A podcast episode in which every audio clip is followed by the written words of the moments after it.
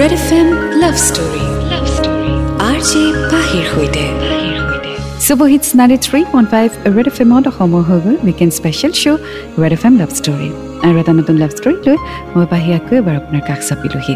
আশা কৰোঁ আপুনি ভালে আছে। আহক এক নতুন কাহিনীৰ যাত্ৰা আৰম্ভ কৰোঁ।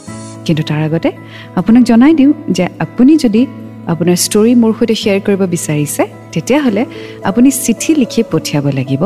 ঠিকনাতে আপুনি মোৰ ফেচবুক পেজ বা ইনষ্টাগ্ৰামৰ প্ৰফাইলতো পাব।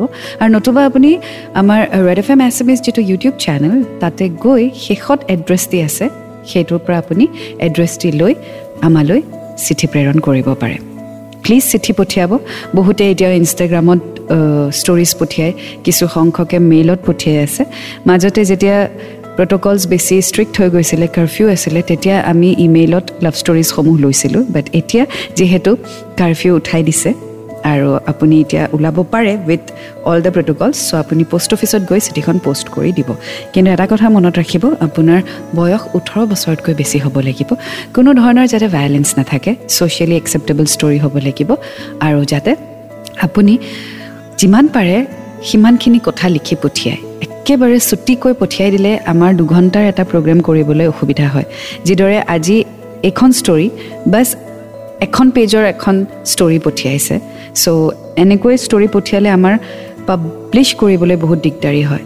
একো বিশেষ লিখা নাই বাছ ইনফৰমেশ্যনছ দিছে। চ' আমাক ইনফৰমেশ্যন নালাগে আমাক ডেছক্ৰিপশ্যন লাগিব আপোনাৰ লাভ ষ্টৰিতে চ' প্লিজ লিখি পঠিয়াই দিব। আৰু অলপমান পিছতে মই আজিৰ ষ্টৰিটো আৰম্ভ কৰিম। Ninety three point five red F M বজাতে ৰহো red F M love story love story R J পাহিৰ সৈতে welcome back super hits ninety three point five red F এমত মই আছোঁ আপোনাৰ সৈতে পাহি আৰু আৰম্ভ কৰিব ওলাইছোঁ weekend special show' red F M love ষ্টৰীত এটি নতুন কাহিনী এই চিঠিখন পঠিয়াইছে মৃদু পৱন গগৈয়ে তিনিচুকীয়াৰ পৰা তেওঁৰ ষ্টৰীৰ নাম দিয়া নাই গতিকে মই তেওঁৰ ষ্টৰীটিৰ নাম দিছোঁ অপেক্ষা চহাক আজি শুনো মৃদু পৱনৰ ষ্টৰী অপেক্ষা। নমস্কাৰ পাহিবা আজি মই মোৰ লাভ ষ্টৰী আপোনাক লিখি পঠিয়াইছোঁ। আশা কৰোঁ আপুনি আপোনাৰ কণ্ঠৰে মোৰ লাভ ষ্টৰীটো ধুনীয়া কৰি দিব। মোৰ লাভ লাইফ ষ্টাৰ্ট হৈছিলে টু থাউজেণ্ড এইটিনৰ টুৱেণ্টি থাৰ্ড এপ্ৰিলত পাহিবা তাইৰ নাম আছিলে মৃদুস্মিতা। আমি আমাৰ হায়াৰ ছেকেণ্ডেৰী একেখন কলেজৰ পৰাই কৰা। পাহিবা তাই মোৰ জীৱনৰ এটুকুৰা দৰকাৰী বস্তুৰ দৰে হৈ পৰিল। যিটুকুৰা নহ'লে মোৰ জীয়াই থকাটো অসম্ভৱ। পাহিবা আমাৰ ৰিলেশ্যনশ্বিপ ষ্টাৰ্ট হৈছিলে ফেচবুকত আমি যদিও একেখন কলেজৰেই আছিলোঁ মই তাক কেতিয়াও কনফেছ কৰা নাছিলোঁ। চ' প্ৰথম লাইনতেই তেওঁ কনফেছ কৰিয়ে দিলে that he is in love with Mridusmita. কিন্তু এটা কথা যিটো মই ভাল পোৱা নাই সেইটো হৈছে বস্তু। বস্তু বুলি আপুনি মানুহক সম্বোধন কৰাৰ লগে লগেই ইয়াত আহি পৰে এটা এনেকুৱা কথা যিটো হয় যে আমাৰ বস্তুৰ প্ৰতি লগাৱটো বা মৰমটো বা ভালপোৱাটো খন্তেকীয়া হয়। আজি আপোনাৰ হাতত এটা ভাল লগা বস্তু আছে। সেইটোৰ কম্পেৰিজনত যেতিয়া বেলেগ এটা বস্তু আপুনি পাই যাব আগৰ বস্তুটো আপুনি পাহৰি যাব। কাৰণ বস্তুৰ মূল্যটোৱে তেনেকুৱাই হয়। গতিকে যদি ব্যক্তি এজনক আপুনি বস্তুবোৰ লগত তুলনা কৰে তেতিয়াহ'লে সেই ব্যক্তিজনৰ মূল্যটো কি থাকিব? চ' প্ৰথম লাইনতেই তেওঁ বস্তু বুলি সম্বোধন কৰিয়ে দিলে। চ' আগলৈ কি হয় ষ্টৰিটিত শুনি থাকক। And ninety three point five red F M বাচ্চাতে ৰহো red F M love story love story R J পাহিৰ সৈতে welcome back and super hits ninety three point five red F এমত মই আছোঁ আপোনাৰ সৈতে পাহি আৰু আপুনি শুনি আছে weekend special show' red F M love story আজি শুনি আছোঁ মৃদু পৱনৰ ষ্টৰী অপেক্ষা। আগলৈ তেওঁ লিখিছে অৱশেষত পৰীক্ষা শেষ কৰি ভেকেশ্যন পাওঁতে তাইক ফেচবুকত লগ পাই মই মোৰ প্ৰেমৰ যাত্ৰা আৰম্ভ কৰিছিলোঁ। আহিবা যদিও আমি ফেচবুকতে ৰিলেশ্যনশ্বিপ আৰম্ভ কৰিছিলোঁ আমি কিন্তু ইটোৱে সিটোক কেতিয়াও এৰিব পৰা নাছিলোঁ।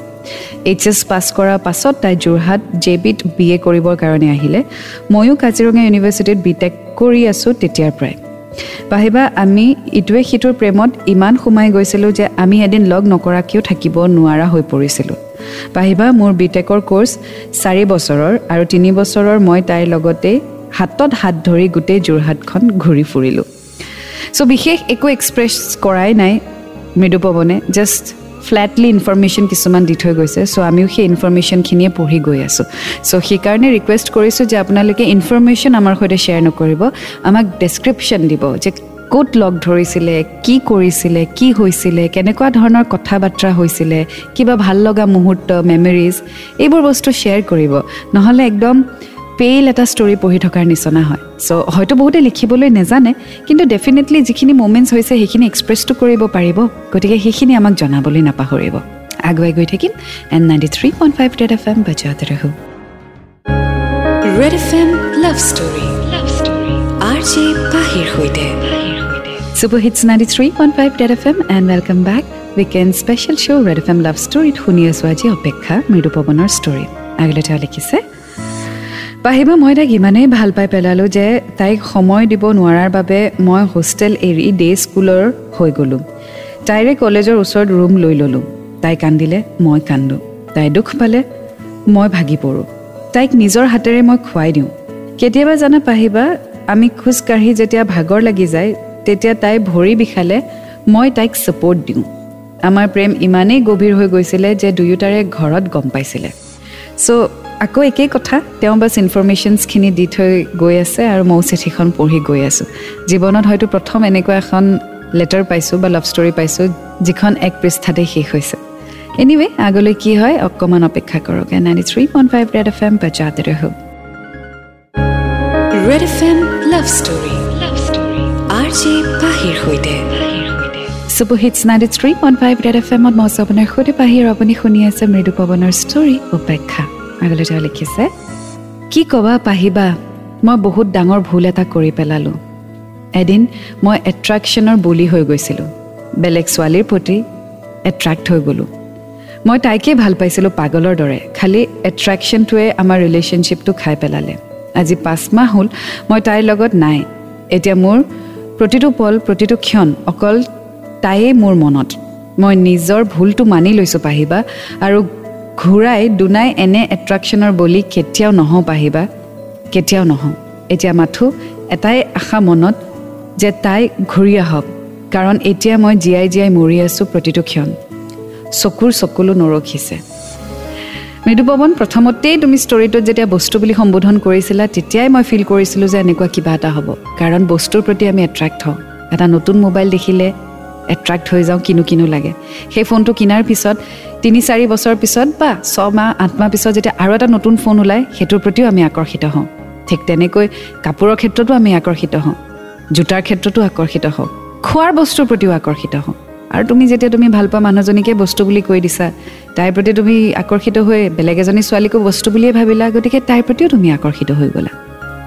That is the biggest mistake anyway আৰু কিছু কথা লিখিছে চিঠিখনত চমুকৈ পঢ়ি গৈ থাকিম। And ninety three point five red F M বাজাতে red F M love story love story R J পাহিৰ সৈতে।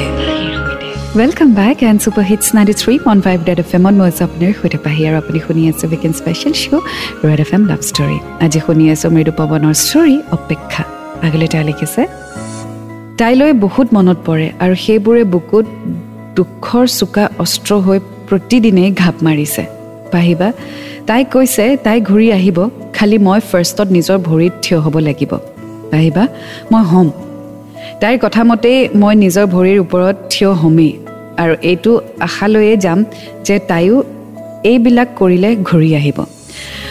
ৱেল মৃদুপৱন তুমি ইয়াত এটা কণ্ডিশ্যন দিছা আৰু প্ৰেমত কেতিয়াও কণ্ডিশ্যন নাথাকে। যে তই ঘূৰি আহিবি মই তেতিয়া ভৰিৰ ওপৰত থিয় হ'ম বা মই ভৰিৰ ওপৰত থিয় হ'ম তই কিন্তু ঘূৰি আহিবই লাগিব। দিছ ইজ এ কণ্ডিশ্যন তুমি নিজৰ ভৰিৰ ওপৰত থিয় হোৱা তাৰ পিছৰখিনি পিছত হ'ব। তুমি কাকো কণ্ডিশ্যন দি পেলাই আনিব নোৱাৰা। তাই তোমাক যিটো কৈছে সেইটো তোমাৰ ভালৰ কাৰণে কৈছে কিন্তু যে তুমি তোমাৰ ভৰিৰ ওপৰত থিয় হোৱা ইয়াত তোমাৰ একো লোকচান নাই। কিন্তু তুমি যদি এইটো কণ্ডিশ্যন দিয়া যে তাই ঘূৰি আহিব কাৰণেহে মই ভৰিৰ ওপৰত থিয় হ'ম সেইটো কিন্তু তোমাৰহে লোকচান হ'ব। গতিকে কণ্ডিশ্যন দি কেতিয়াও লাইফত decision নল'বা। I hope you understand ninety three point five red F M ৰহ red F M love story love story R J পাহিৰ সৈতে welcome back and super hits ninety three point five red F এমত মই আপোনাৰ সৈতে পাহি শুনি আছে আপুনি weekend special show' red F M love story আজি শুনি আছোঁ মৃদু পৱনৰ ষ্টৰী অপেক্ষা আগলৈ তাই লিখিছে পাহিবা এতিয়া তাইৰ সেই লাষ্ট চান্স দিয়া কথাখিনি মোৰ বাবে এনাৰ্জি ড্ৰিংক নিচিনা কাম কৰিব পাহিবা মই বুকুত এইটোৱে আশা লৈ আগবাঢ়ি যাম যে মই ভৰিত থিয় হ'লে তাইক পামেই আৰু সঁচাকৈ ভাল পাইছোঁ যেতিয়া ভগৱানে ঘূৰাই দিব মোৰ প্ৰেম খালি পাহিবা এটা কথা মই নিজৰ ভৰিত তাইক কোৱাৰ বাবে থিয় হৈ যাম। খালি তাৰ পিছত তাইক নাপালে মই মৰি থাকিম। যিটো মই কৈছিলোঁ তুমি চৰ্ত ৰাখিছা। আৰু এনেকুৱা চৰ্ত ৰাখিলে মানুহ কেতিয়াও তোমাৰ ওচৰত ঘূৰি নাহে। মানুহ ভয় খাব। ইটছ লাইক এ থ্ৰেটনিং যে তই যদি ঘূৰি নাহ চাবি কিন্তু। এইটো কেনেকুৱা ধৰণৰ মানসিকতা বাৰু? কিয় তুমি কণ্ডিশ্যন দিছা? যে তাই ঘূৰি আহিব লাগিব তেতিয়াহে ভৰিৰ ওপৰত থিয় হ'বা। তোমাৰ নিজস্ব নাই নেকি? তোমাৰ অস্তিত্ব নাই? বা তোমাক যোনে জন্ম দিছে সেই মা দেউতাৰ কি তোমাৰ ওপৰত অধিকাৰ নাই নেকি? যে তুমি সৰ্বোচ্চ চব তাইৰ ওপৰত দি দিছা তাইহে তোমাক ঠিক কৰিব তাইহে ডিচাইড কৰিব তুমি কি কৰিবা? সেইটোতো হ'ব নালাগে ন? ৱেল বেছি একো নকওঁ তুমি নিজে বুজি পাবা। কিন্তু এটাই কথা ক'ম চৰ্টত কেতিয়াও প্ৰেম নহয়। Ninety three point five red F M বজাতে ৰহ red F M love story love story R J পাহিৰ সৈতে। Super hits ninety three point five red F এমত মই আছোঁ আপোনাৰ সৈতে পাহি শুনি আছে আপুনি weekend special show' red F M love story আজি আমি শুনিলোঁ মৃদু পৱন গগৈৰ ষ্টৰী অপেক্ষা আপুনি আপোনাৰ ষ্টৰীসমূহ আমালৈ পঠিয়াই থাকিবলৈ নাপাহৰিব বাছ চিঠি লিখি পঠিয়াব ঠিকনাটি ফেচবুকতো পাব ইনষ্টাগ্ৰামৰ প্ৰফাইলতো আছে আৰু নতুবা আপুনি ৰেড এফ এম এছমিছ ইউটিউব চেনেলত লাভ ষ্টৰীৰ শেষত এড্ৰেছটি দেখা পাব নোট ডাউন কৰি পঠিয়াই দিব। চিঠিখনত খালি অকণমান ডেছক্ৰিপশ্যন বেছিকৈ দিব আপোনাৰ মুমেণ্টছবোৰ শ্বেয়াৰ কৰিব ভাল লগা মুহূৰ্তবোৰ শ্বেয়াৰ কৰিব বাছ ইনফৰমেশ্যনছখিনি দিলে আমাৰ অলপমান অসুবিধা হয় উপস্থাপন কৰাত। চ' আপোনালোকে প্লিজ ডিটেইলছত লিখি পঠিয়াব কিন্তু আমি পাৰ্টনাৰৰ নাম সলনি কৰি দিম that is for safety side যাতে আপোনাৰ পাৰ্টনাৰৰ একো প্ৰব্লেম নহয়। আৰু বৰ্তমান মই দুহেজাৰ বিছ চনৰ কিছু চিঠি আৰু দুহেজাৰ একৈছ চনৰ প্ৰথমতে অহা কিছু চিঠি পঢ়ি আছোঁ।